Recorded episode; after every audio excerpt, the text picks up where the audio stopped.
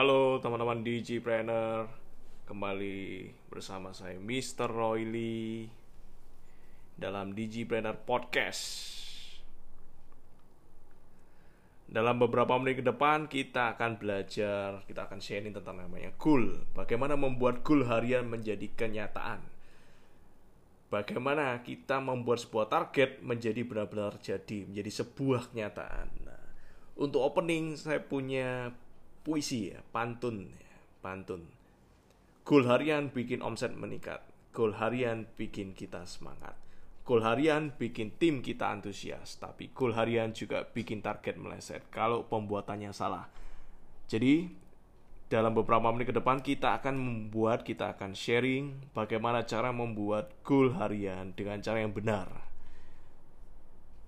Jadi, goal harian itu dibagi menjadi dua ya. Ada goal jangka panjang dan ada goal jangka pendek. Jelas kalau goal jangka panjang berarti ada beberapa hal yang memang Anda inginkan yang menjadi target Anda, yang menjadi goal Anda, yang menjadi tujuan Anda. Kebanyakan orang itu meremehkan goal jangka panjang mereka. Mereka meremehkan apa yang bisa dicapai oleh manusia dalam waktu 10 tahun, 20 tahun ya tetapi terlalu gampang untuk membuat sebuah goal jangka pendek. Ya. Kalau Anda melihat orang-orang besar, itu mereka punya yang namanya visi. Visi itu apa sih? Visi itu adalah goal jangka panjang. Jadi kalau Anda memiliki goal, buatlah jangka panjang terlebih dahulu. Setelah Anda membuat goal jangka panjang, itu berarti dalam lima tahun ke depan Anda ingin menjadi apa? Dalam 10 tahun ke depan Anda ingin menjadi apa? Anda ingin memiliki apa? Anda ingin tembus target berapa? Ya itu goal jangka panjang. Nah goal jangka panjang tadi baru dipecah-pecah dipecah-pecah menjadi kecil-kecil. Itu sama seperti ketika anda gimana sih caranya untuk memakan gajah ya? Gimana caranya untuk makan gajah yang besar seperti itu ya? Caranya adalah dipotong-potong ya supaya bisa dimakan. Sama seperti goal gimana caranya goal yang besar sekali anda bisa capai? Caranya adalah dipecah-pecah menjadi kecil-kecil menjadi goal jangka pendek, jangka pendek, jangka pendek, menjadi goal tahunan ya. Jadi itu caranya, dipecah-pecah.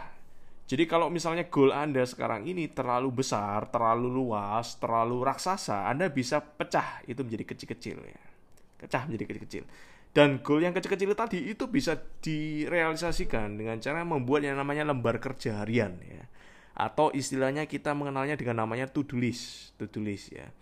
Jadi to-do list To-do list adalah hal-hal yang Anda kerjakan tiap harinya, yang harus Anda lakukan, yang harus Anda kerjakan, yang harus Anda selesaikan. Misalnya, saya hari ini harus follow up 5 orang.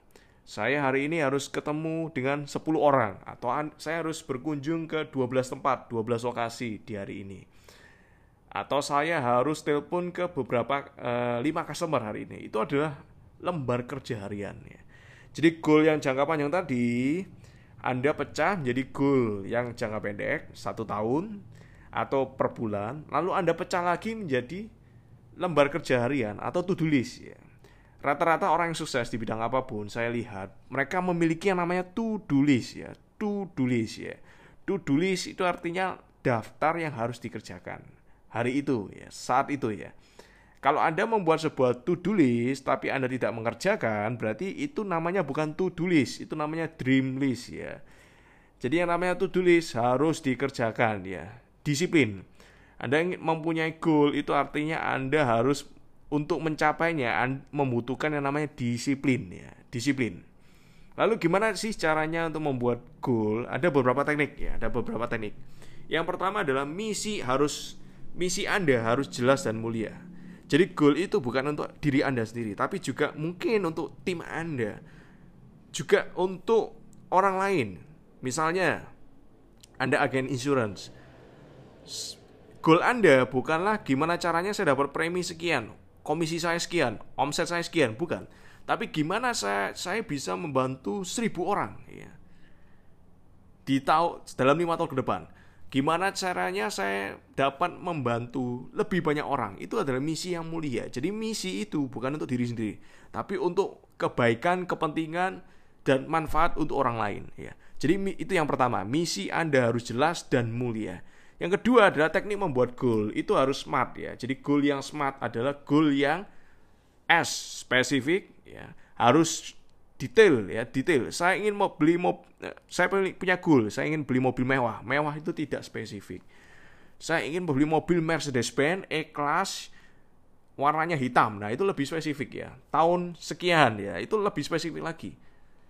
Yang kedua adalah M, miserable, harus terukur ya, terukur, ada nilai angkanya, itu penting. Saya ingin mencapai omset yang lebih besar ya, itu tidak terukur, tidak miserable. Saya ingin omset di bulan depan itu saya ingin omset 200 juta dari tim saya sendiri. Misalnya seperti itu, itu miserable, ada angkanya. Yang ketiga adalah antusias. Yang disebut dengan antusias adalah goal yang membuat Anda itu antusias ya membuat Anda yang baca, membuat Anda yang dengar itu antusias. Kalau Anda melihat, kalau Anda mendengar, saya ingin punya goal omset saya naik 10% ya, itu tidak membuat orang lain antusias. Tapi kalau Anda mempunyai goals, goal saya adalah saya ingin tim saya punya omset dua kali lipat dari sekarang ya. Itu lebih antusias. Membuat orang itu terchallenge ya, membuat orang itu merasa tertantang untuk mencapainya. Itu adalah disebut dengan measurable, eh, antusias ya. Yang keempat adalah realistik. Realistik. Kalau Anda sekarang misalnya ada sepeda motor ke mana-mana ya, masih belum punya mobil, tapi Anda tiba-tiba dalam tahun depan saya ingin punya Mercedes-Benz ya. Memang apakah mungkin terjadi? Mungkin terjadi ya, tapi itu kurang realistik ya, kurang realistik ya. Kalau Anda punya impian yang segede gajah ya, Anda sendiri lama-lama merasa bahwa unconscious mind Anda, alam bawah sadar Anda merasa bahwa impian itu tidak mungkin terjadi. Anda membohongi diri sendiri. Jadi unconscious mind Anda akan mendefend itu. Oleh karena itu buatlah goal yang lebih realistik. Misalnya Anda sekarang saya ing, saya sekarang sepeda motor ke mana-mana. Saya ingin membeli sebuah mobil ya tahun depan ya. Anda mungkin bisa mobil dengan seharga 200 juta ya kan terlebih dahulu lalu lima tahun kemudian anda saya ingin membeli mobil mewah Mercedes-Benz, Toyota Alphard, nah itu lebih realistik ya, lebih realistik. Supaya apa? Supaya unconscious mind Anda itu tidak mendefend, tidak me menganggap bahwa hal itu mustahil sehingga Anda malas untuk membuat langkah pertama. Yang terakhir, goal itu harus memiliki time frame yang jelas. Jadi sebuah goal tanpa time frame yang jelas, Anda tidak kepepet, tidak punya batas waktu. Itu membuat kita tidak memiliki yang namanya batas ya. Karena tidak memiliki yang namanya batas, kita tidak antusias untuk segera melakukannya atau segera menyelesaikannya. Jadi harus time frame. Harus ada tanggalnya, kapan Anda mau mencapai, tahunnya, kapan Anda mau mencapai. Jadi goal yang jelas adalah goal yang memiliki smart, spesifik, measurable, antusias, realistik, dan memiliki time frame yang jelas ya. Dan yang ketiga, teknik membuat goal itu harus memiliki alasan yang sangat-sangat kuat. Jadi, why? Kenapa sih Anda harus mempunyai, Anda harus mencapai goal ini? Bagaimana kalau nggak terjadi goal ini ya? Apa yang Anda lakukan ya?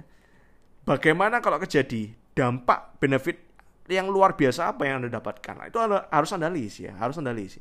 Why-nya harus kuat. Ketika why-nya kuat, how-nya bagaimana untuk mencapai goal itu akan berjalan dengan sendirinya, akan muncul dengan sendirinya. Ide-ide ribuan ide akan muncul sendirinya. Karena Anda memiliki alasan-alasan yang sangat kuat. Jadi Anda harus tahu apa kenikmatan yang sangat-sangat positif yang bisa Anda dapatkan ketika Anda mencapai goal itu. Anda harus list itu semua ya. 10 alasan positif ya, benefit, manfaat yang saya dapat ketika saya mencapai goal ini. Lalu Anda harus juga tahu apa kesengsaraan yang sangat-sangat-sangat yang tidak tertahankan penderitaan Anda ketika Anda tidak mencapai goal itu ya. Misalnya keluarga saya jadi sengsara, saya tidak mencapai target, akhirnya income saya berkurang, income saya berkurang membuat saya membuat saya sulit untuk membayar sekolah anak saya, anak saya nggak bisa sekolah. Anda bisa mengarang itu semua. Anda bisa tulis apa 10 kesengsaraan yang teramat sangat kalau anda tidak bisa mencapai goal itu.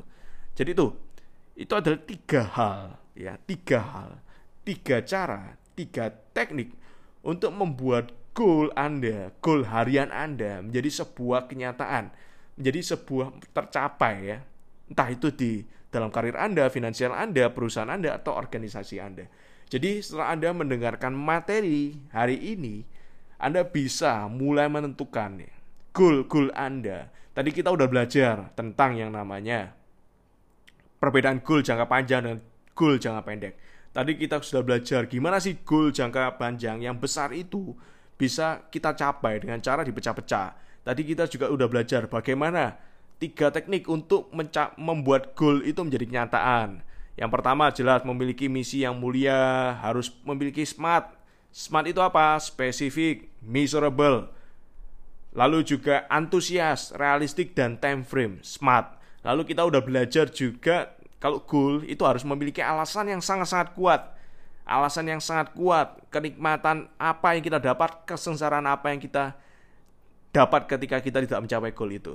Jadi setelah Anda mendengarkan materi ini, Anda sudah tahu bagaimana membuat goal yang realistis bagi kehidupan Anda. Dan Anda bisa memiliki kehidupan yang Anda impikan, memiliki sebuah perusahaan organisasi yang selalu mencapai target tahun demi tahun, bulan demi tuan, hari demi hari. Oke, sekian Digipreneur Podcast kali ini. Salam Digipreneur, salam dahsyat.